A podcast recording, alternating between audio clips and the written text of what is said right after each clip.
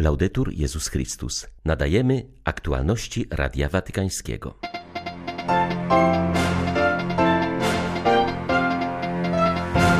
Papież Franciszek wezwał do modlitwy za ofiary nadużyć. Podkreślił, że Kościół nie może ukrywać tych tragedii, ale powinien dać przykład w rozwiązaniu tego problemu. Syryjczycy umierają z głodu, najmniejsza pomoc ratuje życie, alarmuje ojciec Abdurat, prosząc o niezapominanie o ofiarach katastrofalnego trzęsienia ziemi. Reagujemy wciąż na nowe wyzwania, które niesie wojna na Ukrainie, mówi ojciec Misza Romaniew. Dominikanin wskazuje, że pilnie potrzeba terapeutów dla dzieci doświadczonych traumą. 2 marca witają Państwa ksiądz Tomasz Matyka i Beata Zajączkowska. Zapraszamy na serwis informacyjny.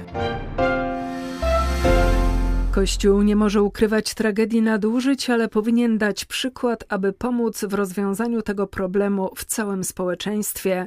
Papież Franciszek mówi o tym w intencji modlitewnej na marzec, w której zachęca do modlitwy za tych, którzy cierpią z powodu zła zadanego im przez członków wspólnot kościelnych aby w tym samym kościele znaleźli konkretną odpowiedź na swój ból i cierpienie.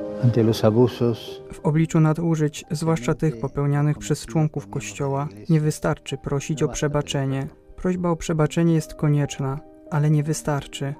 Prośba o przebaczenie jest ważna dla ofiar, ale to one muszą być w centrum wszystkiego. Ich ból, ich szkody psychiczne mogą zostać uleczone, jeśli spotkają się z odpowiedzią, konkretnymi działaniami w celu naprawienia krzywd, jakich doświadczyły i zapobiegnięcia ich powtórzeniu. Kościół nie może próbować ukrywać tragedii, nadużyć wszelkiego rodzaju, także wtedy, gdy do nadużyć dochodzi w rodzinach, w klubach, w innego rodzaju miejscach.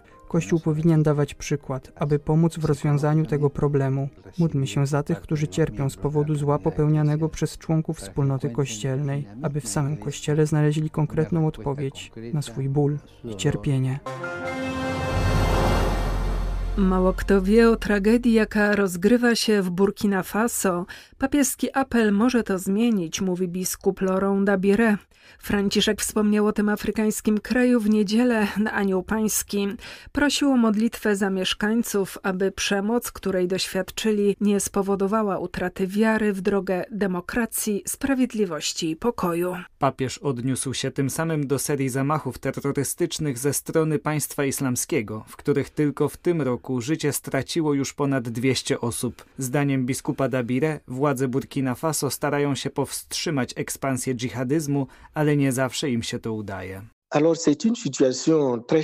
Sytuacja jest bardzo zmienna i bardzo trudno przychodzi władzom utrzymać ją pod kontrolą. Stan bezpieczeństwa pogarsza się z biegiem lat. Oczywiście są wysiłki, aby powstrzymać ataki terrorystyczne i rekonkwisty, więc czasami widać poprawę, ale dochodzi też do gorzkich niepowodzeń. Moja decyzja Dori jako pierwsza została dotknięta kryzysem. Od początku Kościół w Burkina Faso podjął środki bezpieczeństwa, aby chronić wspólnoty, a zwłaszcza księży, siostry zakonne i katechetów, którzy w takich okolicznościach są najbardziej narażeni. Ograniczono wyjazdy, zreorganizowano program nabożeństw oraz działalności duszpasterskiej. A kiedy sytuacja stała się poważniejsza, księża, siostry zakonne i katecheci zostali wycofani z pewnych obszarów, które znalazły się pod kontrolą terrorystów. Były też szkolenia prowadzone zarówno dla wspólnot, jak i dla pracowników duszpasterskich, aby umożliwić im przeżycie tej trudnej sytuacji dostosowanie się do niej, aby umieli się bronić. Chodzi tu o praktyczne kursy, jak zapewnić bezpieczeństwo sobie, ale też wspólnotom czy na przykład szkołom. Kryzys na Haiti osiągnął takie rozmiary, że nie poradzimy sobie bez pomocy wspólnoty międzynarodowej. Dlatego apeluję do zaprzyjaźnionych krajów: nie zwlekajcie, powiedział pierwszy w historii tego kraju kardynał. Przypomina on, że w jego ojczyźnie zawsze żyło się biednie, czasami brakowało podstawowych rzeczy, ale nigdy nie było tak skrajnej nędzy jak dziś. Gangi i korupcja pogrążyły nas w otchłani, mówi kardynał Cibli Langlois. Zaznacza, że najgorsza sytuacja jest w stolicy Port-au-Prince, która ze wszystkich stron jest otoczona przez uzbrojone gangi. Jednakże działalność ugrupowań przestępczych paraliżuje zaopatrzenie na całym południowym wybrzeżu. Do tego dochodzi ciężkie brzemię złych rządów i korupcji. Haitański purpurat przyznaje, że jego kraj nie wykorzystał szansy, jaką był napływ pomocy międzynarodowej po katastrofalnym trzęsieniu ziemi w 2010 roku, w którym zginęło 220 tysięcy osób. Była to okazja do reorganizacji stolicy. Naszym problemem okazało się złe zarządzanie okazaną nam solidarnością ze strony zwykłych ludzi i społeczności międzynarodowej. Kardynał Langlois zapewnia, że Kościół zawsze starał się inspirować pozytywne zmiany i dialog społeczny. Jednakże ostatnio kryzys nabrał takich rozmiarów, że wysiłki podejmowane wyłącznie na szczeblu krajowym już nie wystarczą. Potrzebujemy skutecznego wsparcia wspólnoty międzynarodowej, aby wyjść z tej sytuacji. Dlatego wołam na alarm i proszę o pomoc. Nie można już dłużej zwlekać. Jest zbyt dużo cierpienia, porwań i śmierć. Godność ludzka jest deptana, dodaje przewodniczący episkopatu Haiti. W Syrii dotkniętej trzęsieniem ziemi i epidemią cholery wciąż trwają walki. Na domiar złego kraj pozostaje objęty sankcjami. Ostatnie wydarzenia doprowadziły bowiem jedynie do ich częściowego złagodzenia. Wszyscy jesteśmy jak ofiary trzęsienia ziemi. Ludzie umierają tutaj z głodu, mówi ojciec Abdurat. Duchowny kieruje pomocowym stowarzyszeniem działającym w diecezji Aleppo, która potężnie ucierpiała w wyniku ostatniego kataklizmu. Kryzys jest tak wielki, że każda pomoc jest na wagę złota, zaznacza ojciec Rad. È difficile portare cose materiali. Trudno jest do Syrii przywieźć pomoc materialną i niestety trudno też jest przekazać tam pieniądze. Sankcje nie pozwalają bowiem bankom Syrii na relacje z innymi bankami. Co gorsze, pomimo trzęsienia ziemi, wojna wciąż trwa. Więc konwój pomocy w drodze z jednego miejsca do drugiego może być zagarnięty przez bojówki. Część osób ponadto nie ufa rządowi i mówi, jak wyślemy pomoc, to rząd ją zabierze. Ja bym jednak powiedział, że nieważne, czy pomoc dociera za pośrednictwem państwa, czy przez osoby prywatne. Ważne, że dociera. W tych trudnych czasach mamy świadomość, że wszelka pomoc jest przeznaczona dla potrzebujących. To prawda, że nie dociera do wszystkich osób dotkniętych trzęsieniem ziemi, ale w Syrii i w Libanie wszyscy jesteśmy jak ofiary trzęsienia ziemi ze względu na kryzys ekonomiczny. Tutaj ludzie giną z głodu. Katolicki arcybiskup Algieru, którym jest francuski dominikanin Jean-Paul Vesco, otrzymał algierskie obywatelstwo. W Algierii przyznanie obywatelstwa obcokrajowcom należy do rzadkości. Dla tamtejszego kościoła ma to znaczenie nie tylko symboliczne. Jako Algierczyk arcybiskup Vesco będzie mógł formalnie objąć kierownictwo nad katolickimi instytucjami. Relacje między państwem i kościołem są tam dość napięte. We wrześniu ubiegłego roku władze nakazały zamknięcie działającej od 60 lat Caritas Algieria. Miesiąc później wizytę w tym kraju złożył szef papieskiej dyplomacji, arcybiskup Paul Gallagher, który zabiegał między innymi o przyznanie stołecznemu arcybiskupowi algierskiego obywatelstwa. Teraz, kiedy udało się już to uzyskać, arcybiskup Wesko podkreśla również symboliczną wymowę tego aktu.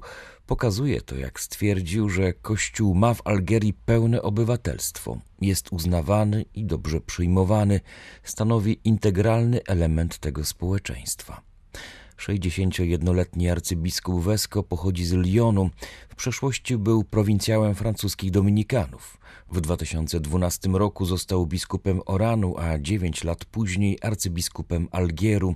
Już wtedy zadeklarował, że chce pozostać w tym kraju do końca swego życia, stanowiąc żywy pomost między Francją i Algierią, a także zabiegając o ich pojednanie. Jak mówi powiedzenie, nie ma sensu biec, kiedy jest się na niewłaściwej drodze, napisał przewodniczący konferencji katolickich biskupów w Nigerii w odniesieniu do wyborów prezydenckich w tym kraju. Arcybiskup Lucius Ugordzi podkreślił, że miano nadzieję na demokratyczne procesy odzwierciedlające wolę narodu, ale zamiast tego ludzie podczas głosowania doświadczyli wielu trudności. Wczoraj ogłoszono oficjalne wyniki odbywających się w sobotę wyborów, zgodnie z którymi zwyciężył kandydat partii rządzącej, Bola Ahmed Tinubu, który zastąpi dotychczas urzędującego prezydenta Muhammadu Buhariego. Nie tylko opozycja, ale również niezależni obserwatorzy odnotowali jednak szereg praktyk czy wydarzeń podających wątpliwość legalność odbytego głosowania. Nigeria znajduje się w wyjątkowo trudnej sytuacji, nie tylko z powodu niepewnych wyborów, Północne rejony kraju od lat są miejscem walki, napadów terrorystycznych dokonywanych m.in. przez islamistów z Boko Haram. Poprzedni prezydent obiecywał, że doprowadzi do wzrostu bezpieczeństwa, ale nie poczynił w tym kierunku odpowiednich kroków, stąd systematycznie tracił poparcie. W związku z dalej szerzącą się przemocą, papieskie Stowarzyszenie Pomoc Kościołowi w Potrzebie organizuje 8 marca specjalne spotkanie kobiet z Nigerii z Ojcem Świętym, aby zwrócić uwagę świata na problemy tego afrykańskiego kraju. Prawie pół tysiąca budynków służących różnym wspólnotom religijnym zostało zniszczonych, ograbionych lub uszkodzonych w wyniku rozpętanej przez Rosję wojny na Ukrainie. Często miejsca modlitwy i pobliskie pomieszczenia użytkowe są wykorzystywane przez agresorów jako bazy wojskowe lub magazyny broni.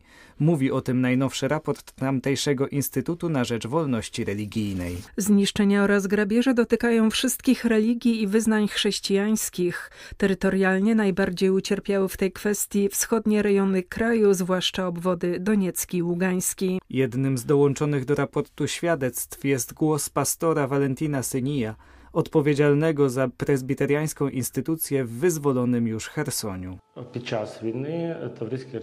W czasie wojny Tawryjski Instytut Chrześcijański został zajęty 10 marca i przez 8 miesięcy znajdował się pod kontrolą wojsk rosyjskich. W tym czasie rozkradziono całe mienie. Wyniesiono wszystko, co można było wynieść. Bibliotekę częściowo spalono, a częściowo wyrzucono na śmietnik. Nie rozumiemy, dlaczego musieli to wywozić na wysypisko, bo to przecież pewien trud trzeba załadować, wywieźć, wyrzucić. Możliwe, że część biblioteki została zabrana do Rosji. Nie wiemy. Jak opowiadali sąsiedzi, w naszym ośrodku zrobiono krematorium i palono ciała zmarłych Rosjan. W dużej części pomieszczeń też po prostu mieszkali rosyjscy żołnierze i był tam sztab. Jakiś sztab był. Bez Polski nie dalibyśmy rady. Dzięki otrzymywanej pomocy nadal możemy odpowiadać na najpilniejsze wyzwania, jakie stwarza wojna na Ukrainie. Wskazuje na to ojciec Misza Romaniw, kierujący Dominikańskim Domem w Fastowie. Od początku wojny placówka stała się miejscem schronienia dla tysięcy uchodźców, a z czasem centrum humanitarnym dostarczającym wsparcie na wschód Ukrainy. Jak dodaje zakonnik, wojna wciąż otwiera nowe wyzwania – Jednym z najpilniejszych jest zajęcie się ludźmi doświadczonymi traumą. Teraz to, co robimy, to jest karmienie ubogich, jak również miejsca, w których mogą się ogrzać i też wyjazdy na wschód i na południe, gdzie ludzie po dzień dzisiejszy bardzo potrzebują pomocy i wsparcia. Wierzymy, że wojna się skończy, że zacznie się też moment, w którym potrzeba będzie bardzo dużo pomocy psychologicznej, wsparcia rodzin. Już teraz są różne półrazowe, traumatyczne doświadczenia związane z wojną. Już potrzebujemy terapeutów, którzy pomogą dzieciom, szczególnie ze wszystkimi stanami lękowymi, ale to też będzie dotyczyć ogromnej ilości naszego społeczeństwa i tutaj na pewno też nie damy rady bez Was. Leczyć rany, i modlić się teraz o dar pokoju, a później też chyba najtrudniejszy temat, do którego absolutnie nie jesteśmy gotowi. To jest temat przebaczenia. Nikt nie ma teraz odwagi poruszać się w tym obszarze, ale taki moment przyjdzie i będzie to ogromne wezwanie dla naszego Kościoła. Modlimy się litanią do najdroższej krwi Chrystusa. Nie ma innej mocy, która by mogła uzdrowić nas, tylko krew Chrystusa i tego najbardziej teraz potrzebujemy. Były to aktualności Radia Watykańskiego. Laudetur Jezus Chrystus.